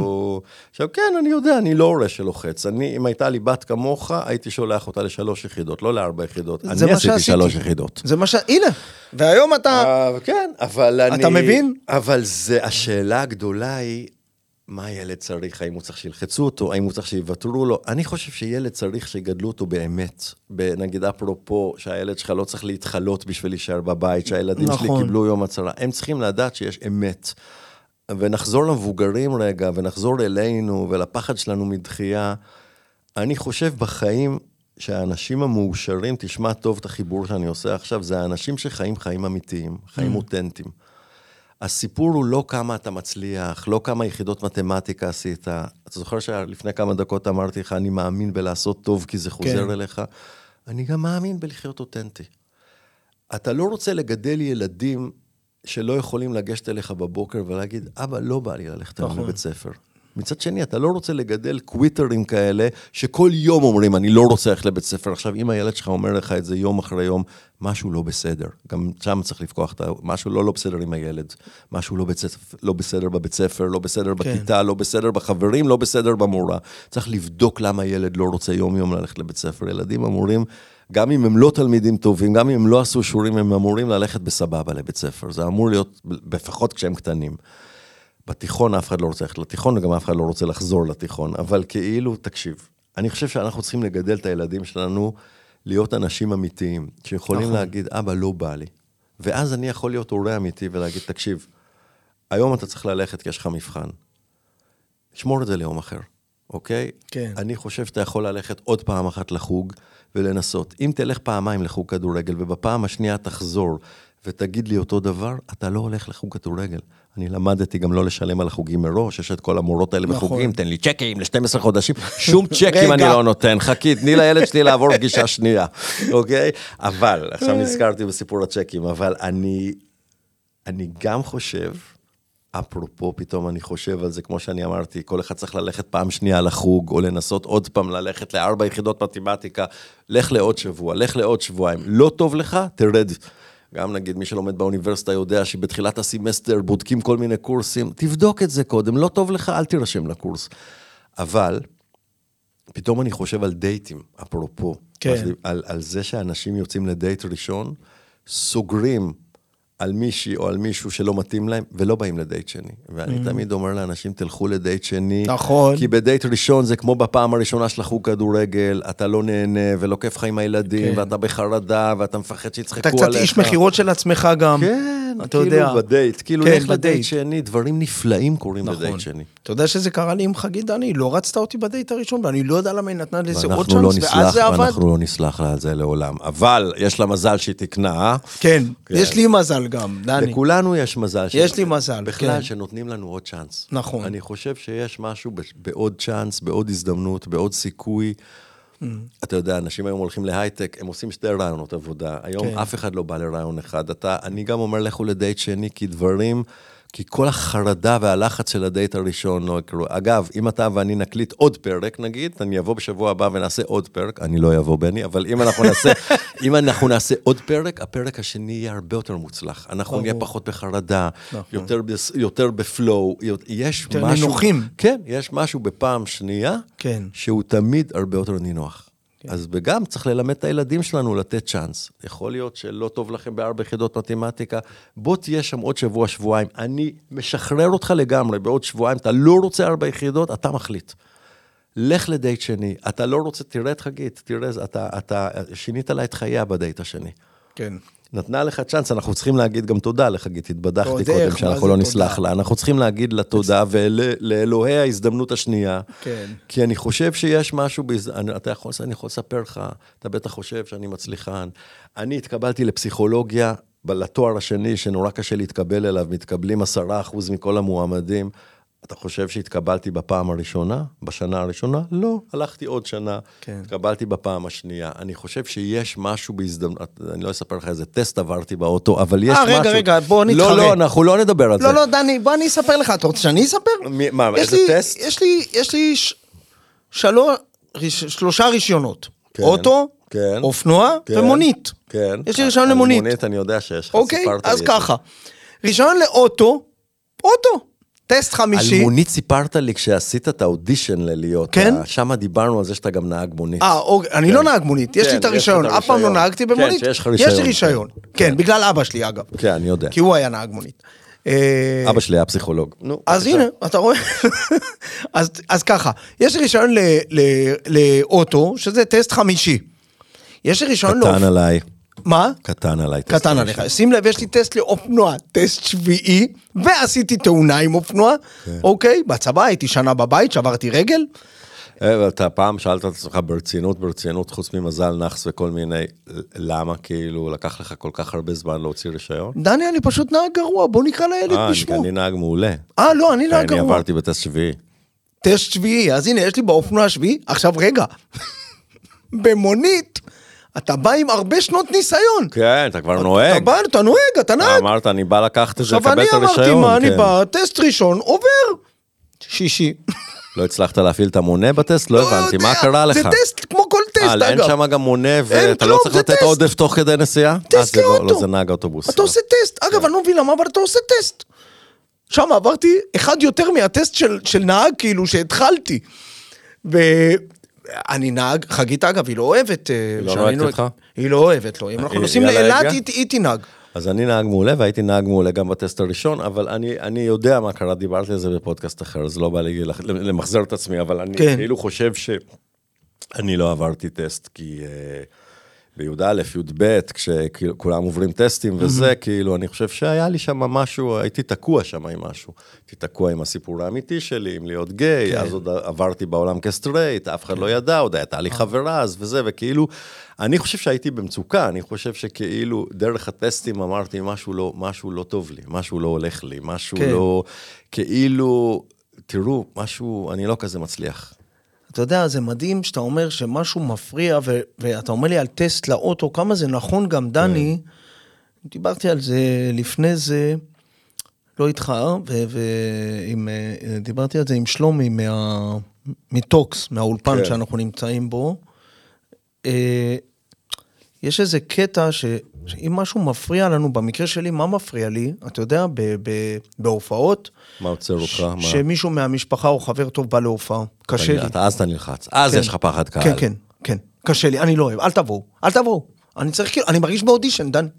אני מרגיש באודישן. זה שסיפרת קודם על ההפלגות האלה, ושכל פעם בא מישהו איתך להפלגה, וגם היה, זה לא סתם הפלגה, הוא גם זה היה לא רואה. את ההופעות שלך. כן. וחשבתי על זה שאימא שלך הייתה, וחשבתי על זה עם אמא שלי היה לי הכי קשה. כן. הכי קשה, דני. היא לא הייתה שנים בהופעה שלי. פעם אחרונה שהיא הייתה איתי, אני אמרתי לה, כמו שאמרתי לך, בטח אני... אמרה את הדבר הלא נכון אחרי ההופעה, לא? בטח היא אמרה את מה שלא... לא, היא דווקא, היא מאוד נהנתה, והיא אמרה, וואו, איזה יופי, בני. אבל, היה שזה אבל. לא, משהו האמת ש- שם לא קיבלת ממנה שהיית צריך. לא הבנתי. משהו אחרי שהיא ראתה את ההופעה שלך אז, היית צריך ממנה עוד משהו שלא קיבלת. לא יודע, משהו היא לא אמרה לך, משהו היא לא התפעלה ממך, משהו היא לא פרגנה לך, משהו שם לא עבד לך כשהיא באה להופעה שלך. תראה, גם כשאימא שלי מתלהבת, כאילו, so called מתלהבת, זה לא כן. התלהבות עכשיו, היא גם... אתה יודע, דני, אני מדבר על זה כבר, יצא לי גם פה חשבתי שפרסים בפודקאסט. הם אנשים שמחים, לא? מה? חשבתי שפרסים הם אנשים שמחים. אני איש שמח, לא, אני איש שמח. והיא? אגב, עוד לא סיימנו עם הג'ירפה. אנחנו עוד בג'ירפה, נתקענו כן, בסוסון. אני איש כן. שמח, אבל יש לי משהו, תראה, אני, יצא לי לדבר על זה לאחרונה, גם פה בפודקאסט וגם בעוד מקומות, על זה שבגיל 15 כבר שיחקתי בסרט באמריקה, דני, בלוס אנג'לס. אני יודע. אתה מבין? ועשיתי דברים באמת ש... סליחה, אני, הנה, אני כל פעם נזהר שאני לא אשמע יהיר או חלילה, אבל זה, זה מאמא שלי, אתה יודע, אני לא דיברתי על זה. לא דיברתי על זה, לא בהישרדות זה היה הפעם לא הראשונה. להשוויץ, אה? כן. בהישרדות זה היה הפעם הראשונה שדיברתי על זה, ועכשיו לאחרונה במקרה יצא שדיברתי על זה כמה פעמים, שעשיתי כמה סרטים, אחד מהם בארצות הברית, וזה אימא שלי, היא מאוד, כאילו, אני לא יודע אם היא פחדה מעין הרע, אם היא צנועה מדי, אם היא לא הבינה שזאת מספיק הצלחה גדולה, תמיד הכל כזה, פחות, פחות. קט, קט, ש, ב, בקטן, בקטן, אתה יודע, גם, כי אני חושב היא- שזה חוזר למקום הזה שאמרתי קודם על אמא שלך, שהיא גם לא האמינה שאתם בכלל מגיע לכם להצליח, אתם לא מאלה שמצליחים, ואם אתה מצליח אז פחות, פחות, פחות. אתה פחות, לא, פחות, אתה לא בטח. טייס, כן. נכון? טייסים מצליחים. ברור. כאילו, כאילו יש משהו שהיא כאילו כל הזמן פחות, פחות, זה גם נראה גם עין הרע, אבל זה גם כאילו, תהיה, אל תהיה במקומות שאתה לא אמור להיות בהם. זה של הטייסים, זה לא שלך. זה לא שמור לנו, המקומות האלה. זה Mm-hmm. מקום נורא מקטין. היא גם הקטינה את עצמה ככה, וכשהיא באה כן. לראות תופעה שלך, האם היא יכולה לראות אותך מצליח? אפרופו, האם אתה יכול לראות את עצמך מצליח? זה אותו דבר. אני, עדיין לא רואה את עצמי מצליח ב-100% כמו שאני צריך לראות את עצמי. נכון שאתה מתקשר אליי לבקש שאני אבוא להתארח אצלך בפודקאסט, אתה מכין את כל הדלתות כן. ואת כל האופציות לזה שאני אגיד לך לא. אתה יודע איפה הדלתות, איפה כן. החלונות ואיפה יציאות החירום כמו במטוסים. אתה רק יודע איך לברוח. ממש ככה. אבל אולי תישאר איתי במטוס במקום לברוח? וזה אימא שלך, וזה אתה, וזה קצת כולנו. כן. אנחנו כל הזמן חושבים שאסור לנו להצליח מדי. אתה יודע, אנשים גם, אנחנו גם עם כזה, היהודים, אנחנו גם כזה, כל הזמן קצת התחבאנו, וקצת היינו בגולה, וקצת הייתה אנטישמיות עלינו, שלא נצליח מדי, שלא יגידו שליהודים יש יותר מדי כסף, שהם יותר מדי מלומדים, שהם... לא למשוך אש, לא למשוך אש, לא למשוך אש. היום, נגיד, יש אנטישמיות, אתה יודע שיש לי כל מיני לקוחות באמריקה שאני מטפל בהם, הם מורידים את הכיפות היום. הם מסתובבים בניו יורק בלי כיפה, כי הם מתים מפחד. אבל אני חושב, נגיד על אנטישמיות, מה זה אנטישמיות? זה מקנאים בנו על ההצלחה נכון, שלנו. אני תמיד אומר אז כל. הזמן אומרים פחות, פחות, פחות, אל תגיד, אל תגיד כמה אתה מרוויח, כן. אל תגיד, תדפוק, אל תגיד, יש לי full house בהופעה, אל תגיד, אני sold out, יקרה משהו. כאילו, הפחד הזה מהצלחה, מלהיות גדול, מלהרוויח, מ... לכן התקשרת אליי, ורק הכנת אופציה אחת, שאני אגיד לך לא, ואם התכוונתי להגיד לך כן, גם, גם הזכרת לי שזה בסדר שאני אגיד לך לא. כן. כן, אתה יודע, זה, אני, יואו, זה אני לא... מדהים, אתה לא שונה מאימא שלך, אתה ביקורתי. לאימא שלך, אבל אנחנו נושאים בתוכנו. אימהות, אמרתי לך כבר, עשרות דורות אחורה של אימהות יש בתוכנו. כן, אתה יודע, פחות, זה... פחות, כל הזמן פחות, נכון? אתה יודע, זה התבטא הרבה אצלי, דני, אפילו בפעם ראשונה שקניתי אוטו חדש. זה היה אוטו, לא, אני לא אגיד את השם שלו, לא חלילה להכפיש את, שמו, את שם המותג, לא אוקיי? סוסיתא זה היה. אבל זה מה? לא סוסיתא, אני מקווה. לא, לא סוסיתא, אבל אה, אה, קניתי אוטו ש... איך חגית אמרה? אתה יכול לקנות יותר. אתה יכול יותר. אתה יכול, למה אתה לא, למה לא קנינו אוטו יותר חגית שאומרת? גם למה, לבת למה? שלה, את יכולה יותר יחידות מתמטיקה, היא אומרת גם לבת שלך. כן, אתה מבין? ואז. חגית אמרה לי, ואני כזה, לא, זה בסדר, אני, זה, זה בסדר. לא לנקר עיניים. לא לנקר, לא צריך חגית, זה מספיק, זה טוב, זה אחלה, זה נושא, זה חדש, זה חדש, הורדנו ניילונים. גם שלא ידעו שאתה מצליח מדי. אולי. ואז אני זוכר ש... ש... היינו באיזה פרימיירה, ויצא מה... הלכנו לכיוון החנייה, דני, וזה ממש שיחה לפסיכולוג עכשיו, רק שתדע, זה כאילו הכי מתאים לי שאתה פה, שאני מספר לך את זה. ואתה חושב שאתה תצא מזה בלי כסף גם. ואני... כן, אז, אז, אז, אז אני יוצא מה, מהפרימיירה הזאת, כן. לאוטו החדש. והולך לאוטו, הלא מאוד שווה. והיה איזה אה, אה, מפיק שאני מכיר. עכשיו, אני אף פעם לא הייתי בעניין של פוזה או מה חושבים עליי וכן הלאה, ואז הוא, אני ראיתי שהוא הולך והוא מסתכל לאיזה אוטו אני עולה. כן, לבדוק אותך. ובאותו רגע, זה פעם ראשונה, שנכנסתי לאוטו, חגית מסתכלת עליי, כאילו דיברנו. היא אומרת לי, אני יודעת מה אתה הולך להגיד. ואז אני מסתכל, אני אומר לה, מחליפים אוטו. היא אומרת לי, נכון היה לך לא נעים שנכנסת לאוטו הזה? אולי כי הגודל כן קובע? מה? כי אולי הגודל כן קובע לא, זה לפעמים? פעם ראשונה בחיים. אגב, אף פעם לא הייתי בעניין של להרשים אף אדם, זה לא כן. עניין אותי. אגב, אני גם אף פעם לא תראה אותי לא עם שעון, לא עם תכשיטים, לא... זה המגן דוד, זה התכשיט הראשון שקניתי בחיי, אה, מה- בגלל המלחמה ובגלל ה... עכשיו או מעכשיו? כן, כן, היה לי חשוב לקנות... רולקס, אבל אני לא רואה שיש לך רולקס. לא, לא, לא, גם לא תראה, כן. אני אף פעם לא, זה לא, לא מעניין אותי, לא מותגים, לא שעונים, לא, ו- ולא מכונית. ואז חגית אמרה, אבל כאן כבר הגזמת, בני, קנית משהו שהוא... קנית הורדת- פח. הורדת לעצמך. כן, הורדת יותר מדי. כמעט קנית סוסית, פשוט גם- כבר לא היה. זהו, גם כן. כשכבר קניתי, כאילו, החלפנו אותו באמת, ואז קניתי משהו גם לא כזה, אתה יודע, קניתי רכב משפחתי יותר, קצת יותר בסטייל, יותר מגניב. ו- והיא אמרה, נכון, יותר, יותר כיף עכשיו, נכון? גם לבוא להופעה, שאתה בא עם אוטו כזה של סבבה, לא... הא- האוטו ההוא שידר לוזריות, הוא שידר לוזריות, דני, באמת. כאילו האוטו הזה, זה החלק בך, זה הבני שאמר לא למשוך אש. לא, לא זה... לנקר עיניים. זה הבחירה גם... אז אה, אתה יודע. גם חגיתי יותר מדי בשבילי, שמע, אני יוצאתי, עשיתי לה את המוות, ביטלתי לה חתונה. היום הנה, אני הנה, מסתכל... הנה, חזרנו לב- לאנשים בליגה שלך ולא בליגה שלך. כן, אתה מבין, אמרתי... גם היא מעל הליגה שלי. היא תתחתן איתי. כן. מה, אז ביטלתי. דני, קבענו להתחתן וביטלתי. ביטלתי את החתונה. לפני שהיא תבטל לך. מה? לפני שהיא תבטל לך. אולי. זה אתה יודע מה. אולי. ברור. כן. זה מה שעשית איתי בטלפון עם הפודקאסט עכשיו, אמרת, אתה רוצה לבוא אליי לפודקאסט, אבל זה בסדר אם לא תבוא. כן, את רוצה להתחתן, אבל עזבי, בואי לא כן, נתחתן. כן, כן, אוי, זה כאילו, לא- רציתי להגיד לך. אמרתי לך, בני, יש לך שיטת מכירה יותר דפוקה מזה? כאילו, כן. אתה רוצה לקנות את האוטו הדפוק שלי בלי המנוע, בלי הגלגלים, בלי איזה, זה בסדר ש... תגיד, אתה רוצה שאני אקנה או אתה לא רוצה שאני אקנה? כאילו, השיווק השלילי הזה הופך להיות דרך חיים. כן. הוא הופך להיות, כן, זה לא בליגה שלי, זה לא האוטו שלי, זה לא הבן אדם שיבוא אליי כן. לפודקאסט, למה בחרת אותי לזה שלך, כאילו, יש משהו, וזה חוזר ל... אגב, היה לי, היה לי הכי קל, אפרופו, גם כשיצאתי לפני חגית עם כל מיני נשים, לא כולן, לא כולן, היו, זה, היו... אולי יקשיבו לנו. אבל כאלה שכאילו הרגשתי שזה בסדר, זאתי זה בסדר, לא צריך מעל זה. היא בליגה שלי. היא בליגה שלי, או- כמו ומטה, האוטו, האוטו ומטה, הזה, כן. חלילה בלי לזלזל באף אחד, כן? כן. אבל, אבל היו לי וואי, כאלה... אתה תקבל טלפונים אחרי הפרק לא, הזה. חס... לא, מכל אבל האקסיות לא, שלך. אתה יודע, זה אז בלי שמות. תתקן את זה. עוד פעם, אז אני אומר, היו כאלה מדהימות בן- והכל, אם את אבל... אקסיט של בני, או אי פעם היית איתו, תדעי שהוא אמר את זה ברגע של חולשה וחשיפה כן. רגשית. כן. אבל, אבל תמיד זה כאילו... זה בסדר, זה בסדר, הכל בקטן.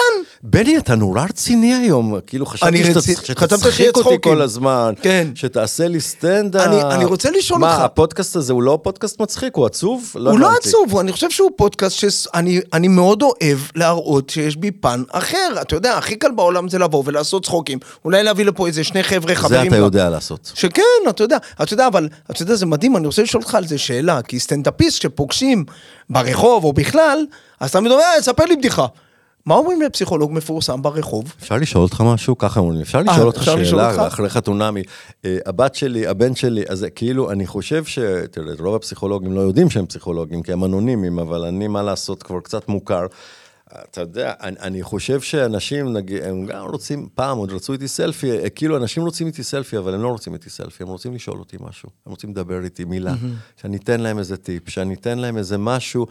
עכשיו תראה, אני חושב שזה איזה כמו ש- טיפ אפשר לתת לבן אדם באינטראקציה של דקה וחצי ברחוב, בבית קפה, ב... לא יודע. אי אפשר, אי אפשר, וזה לא קשור בתשובה, אני גם לא נותן טיפים, גם כשאני בא לאולפנים אומרים לי, תן טיפים לחזרת המילואימניק, אני לא נותן טיפים כי אני לא מאמין בטיפים, כי אני כן. חושב ששינוי עושים הרבה יותר עמוק והרבה יותר לאט, אבל אני כן שומע דרך השאלה הזאת של אנשים, אפשר לשאול אותך משהו? הם כאילו אומרים, אתה יכול להראות לי את הדרך קצת? כן. אתה יכול להיות קצת אבא, אתה יכול קצת להוביל, אתה יכול להיות קצת במקום, אה, לא רוצה להיות פוליטי מדי עכשיו, אבל כאילו במקום כל האלה שלא שמרו עלינו ולא דאגו לנו ולא מובילים אותנו ולא... אתה יכול, כולם רוצים אבא, כולם רוצים מישהו שיראה להם את הדרך. אני חושב שלא רוצים אותי, הפסיכולוג מהטלוויזיה, אנשים, כולם רוצים שמישהו יראה להם את הדרך. כן. אז אתה, כאילו, אתה מראה את הדרך דרך להצחיק, אתה עושה את הימים הקשים והעצובים לקצת יותר קלים. וממני רוצים, כשהתחילה המלחמה, מה רצו ממני? למה הביאו אותי לאולפני טלוויזיה כל הזמן? הרי לא דיברתי על חתונמי כשהתחילה המלחמה. רצו שמישהו יסביר מה לעזאזל קרה פה. מה הדבר הזה, ש... לא שאני אסביר, אני לא כתב צבאי, לא שאני כן. אסביר את המהלכים של החמאס, שאני אסביר מה אנחנו עושים עם החוסר אונים הזה.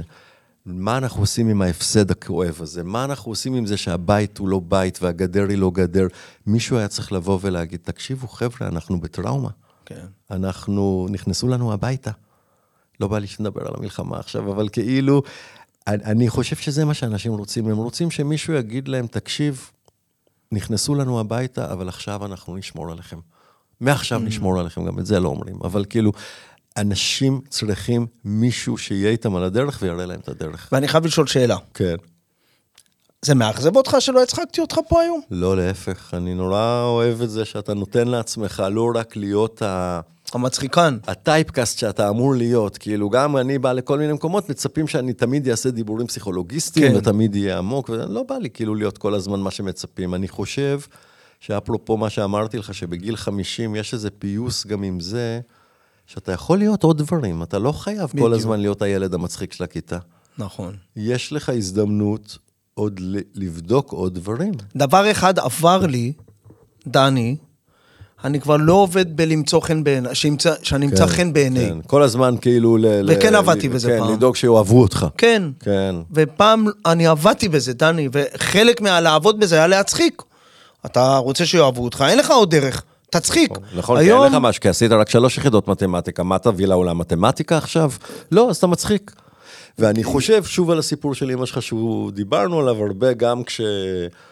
כשכאילו, שעשית איתי את הפרק הזה וצילמנו ביחד, אני זוכר שדיברת איתי על קריית שלום. נכון. ואמרתי לך, אני לא יודע אם אתה זוכר שגם אמא שלי גדלה בקריית שלום. לא, שזה- לא אתה- זכרתי. אתה לא, אתה לא, אז לא אתה זכרתי. כן, אבל כאילו, אני רוצה להגיד משהו, שכשאתה מרגיש לא מספיק שווה ולא מספיק ראוי, מה שנשאר לך זה כל הזמן למצוא חן. נכון. אם אתה, אין לך מה להביא, אתה צריך להיות נחמד. זה קצת אה, תסמונת ה... ה- האיש הקטן שמנסה למצוא חן בעיני האיש הגדול. ואני חושב שיש איזה רגע בחיים שאתה אומר, די, לא רוצה לעבוד בלהיות נחמד. אני רוצה שיאהבו אותי כי אוהבים אותי, אני רוצה שיעריכו אותי כי מעריכים אותי, ואם אני לא בליגה שלך, אז אני לא צריך שת... אני לא צריך בכוח. כן. ואני חושב שאתה כאילו אומר, בסדר, אני מצחיק, זה, זה מה שאני, זה הכוח שלי, זה מה שיש לי להביא לעולם, אבל יש לי עוד דברים. והאם יפסיקו לאהוב אותי כשאני אפסיק להיות מצחיק? לא. לא, וזה כמו להיות אה, מישהי נורא יפה או מישהו נורא חתיך. האם יפסיקו לאהוב אותך כשלא תהיה יפה יותר? לא. לא, אני לא. חושב שאנשים אוהבים אותנו כי הם אוהבים אותנו, הם מעריכים אותנו כי הם מעריכים, וכל עוד אנחנו עסוקים בלמצוא חן, אנחנו שוב לא חיים חיים אותנטיים. נכון. אנחנו מזייפים. בכל פודקאסט שלי ולכל אורח אני מביא ג'ירפה שלדעתי קצת... אה, וואו. אה, אה, אה, קצת... היא קצת מספרת עליו משהו? מספרת עליו, כן. אז קודם כל הבאת לי ג'ירפה? לא, לא הבאתי אותה לך, אני שם אני לא אותה... מקבל אותה? לא, אתה לא מקבל, זה מתוך אה, האוסף תראה, ג'ירפות שלי. הילד שבי כבר חשב שהוא מקבל מתנה. אני מצטער, לא, אבל אתה ברווז, קבענו ברווז. אבל יכול להיות שאני יכול לעשות איתך משא ומתן על הג'ירפה הזאת? לא, כי קיבלתי אותה מתנה. איזה חמוד אתה. קיבלתי אותה מתנה, אוקיי? יש לי אוסף של ג'ירפות. אוקיי. למה ג'ירפה? לא יודע, יש לה צוואר ארוך. כי זה החיה הכי גבוהה בטבע, זו חיה שמסתכלת הכי רחוק, הכי גבוה, יש בה איזה משהו של אופק, של תקווה, של... של... ו... ו... לכל פודקאסט אני מביא איתי משהו שמאפיין בעיניי את, ה... את אוקיי. המתראיין. אז מי, עכשיו, איך אני קשור קודם לג'ירפה כל- הזאת? קודם כל, שים לב, דני, בגלל שהיא יושבת, היא לא עומדת. רגע, אבל אתה יכול להביא אותה לפה? בטח. כדי שגם אני אראה אותה וגם אה, כן. מי שצופה בנו יראה אותה? קודם כל... איזה איש טלוויזיה אני, אה? כן. קודם כל, תשים לב, היא יפהפייה בעיניי. היא יפה. היא מדהימה, וגם יש עליה המון חיות אחרות. כן. עכשיו, היא מאוד... אה, תראה, אתה אמרת בדיוק, אתה הקדמת אותי. יש עליה חיות. כן. נכון, דני? כן. ואני חושב שאתה כמטפל, מטפסים עליך קצת. קצת. תקשיב, יש עליך אנשים כל הזמן. לא מטפסים אליי, נכנסים אליי. נכנסים אליך, תסתכל, תסתכל כמה יש שם. והיא יושבת, כי פסיכולוג יושב. נכון. אוקיי, העבודה שלך היא בישיבה. נכון. ויש עוד משהו. אה, היא- קיבלתי אותה מתנה מחברה מאוד טובה שלי, לילך, שהביא לי אותה מארצות הברית. מאמריקה, נכון? כן. ודני מקנדה, במקור. נכון, כי אני תמיד אהיה קצת אנגלוסקסי בעיניך. אז היא, היא, היא, קנ- היא אמריקאית, היא... היא, אני היא רואה שאני גם אנגלו וגם סקסי. או, כן, בדיוק. אוקיי. כן. והסתכלתי עליה, אמרתי, זה דני. אז אה. זה אתה. כן. אה, אני צריך עוד להיות עם זה, להבין כאילו, זה, זה מקסים. אני רוצה להגיד לך משהו כאילו על... ואגב, הייתה לי התלבטות, האם- תראה עד לאיזה רזולוציה אתה יורד כשאתה, כשאתה מארח מישהו, כן, אה, החולצה שאני לובש היום היא חולצה מאוד שמחה. כן. היא חולצה שמחה. ובהתחלה רציתי ללבוש חולצה שחורה, דני. בסקופה בימים לא שמחים, כאילו. כן, ובאיזשהו אופן, אגב, ידעתי שהשיחה איתך הולכת להיות רצינית. אז אמרתי, אני, לפחות החולצה תהיה, תסמל איזה סוג אבל של... אתה יודע, מכיר אותי מספיק שגם כשזה רציני איתי והולך לעומק, אני תמיד אהיה עם קצת קריצה והומור, נכון? אז, אז, לא יודע, הכל כבר, כשאתה בא, זה עוד פעם, זה- זה כמו לבוא להופעה, זה כמו לבוא לכל דבר שאני עושה ולוקח מאוד ברצינות, אז אני חושב על הכל. כן. אני מאוד התכוננתי לפגישה היום. אבל אני רוצה לתת לך גם מתנה, אמנם אני לא מקבל את הג'ירפה, אבל נתת לי מתנה בראש וזה יפה מאוד. אני רוצה לתת לך גם מתנה, ולהגיד לך שאני שומע עכשיו, לקראת סוף הפרק, שעשית המון התכוננויות במחשבה. כן. כאילו, על הג'ירפה ועל מה תלבש, ועל נכון. מה תדבר. ואני רוצה לאחל לך, בפודקאסט הזה, כן. שתרשה לעצמך, תשמע טוב, להיות מופתע. בניגוד להופעות, כן. ובניגוד לטקסטים ולסטנדאפ, כן. שכאילו זה נראה הכי ספונטני בעולם, אבל זה הרי כל בדיחה שם כאילו בדוקה מכל הכיוונים Mm-hmm. וטקסטים וזה. אני רוצה לתת לך מתנה, והיא המתנה של להיות מופתע, ושתרשה לעצמך, ככל שתהיה יותר בטוח מפרק לפרק, לבוא לפה מופתע. לא לדעת מה יקרה, לא לדעת, כאילו, להכין... לא הכנתי שאלות, אגב. אני רואה, אני לא רואה, ואני שאלות. גאה בך על זה. כן. ולתת לפודקאסט, לפרקים שלך ולאורחים שלך, תהיו מופתעים ביחד. כי רק כשאנחנו מופתעים, אנחנו אמיתיים. כן, כן. ויש לי שאלה ככה לסיום כן. אז, אז אתה... אתה חושב שהבחירה שלי בג'ירפה הספציפית הזאת היא נכונה? אני... יש לי אה, הרגשה שאתה קצת, לא יודע. לא, אתה, אני אגיד לך מה אני מרגיש. יש פה את הילד שחשב שהוא מקבל מתנה והוא לא מקבל. אם אני צריך, אני, אני לא באמת רוצה את הג'ירפה, אבל היה לי רגע פה, היה לי רגע פה, נורא של ילד, של דני הילד, שהלכת ואמרתי, וואי, הוא נותן לי מתנה ג'ירפה. ואני רוצה להגיד על זה משהו, כי אני לא רק ילד, אני גם מבוגר, וזה ברור לי שאתה לא נותן לכל אחד מתנה בפרק, אתה נותן לי מתנה בקונספט, בראש. כן. אתה אומר, זאת הג'ירפה שלי שהכי מתאימה לך. כן. אבל הרגע הזה, שאתה חושב שאתה הולך לקבל משהו, והוא נלקח ממך, כאילו הרגע הזה שזה כמעט היה שלי, כן. ועכשיו לקחת את זה, זה רגע, זה כאילו המטאפורה של החיים. לפעמים אתה חושב שאתה תקבל דברים, והם לא בשבילך. לפעמים אתה חושב שאתה תקבל מתנה בצורה של לקחת את הג'ירפה הביתה, אבל זה לא המתנה שאתה מקבל, המתנה שאתה מקבל זה שחשבת עליי מלא קודם. כן, זה סימבול, המון. אני לא מקבל את הג'ירפה. ואני חושב שאנחנו צריכים ללמוד בחיים גם להיות מופתעים, גם להתאכזב לפעמים, וגם רגע אחרי האכזבה להתאפס ולהגיד, רגע, אני לא הולך עם הג'ירפה הביתה, אבל אני הולך עם המחשבה שלך, עם האהבה שלך, עם זה שהתכווננת כן. אליי. אני לא באמת צריך את הג'ירפה, אני צריך את מה שאמרת. אז לכן מה שאתה רואה עכשיו זה את הדני הילד עוד מתאושש מהאכזבה, אבל אני חושב אוקיי. שמתחת לילד או מעל הילד יש מבוגר שכבר מבין שלפעמים אתה לא מקבל את זה בדיוק כמו שאתה רוצה, אבל תראה מה אתה כן יכול לקבל מהרגע שלא קיבלת משהו. טוב. אני, אני אסיים עכשיו עם מה שהתחלנו. מה? אני אוהב אותך.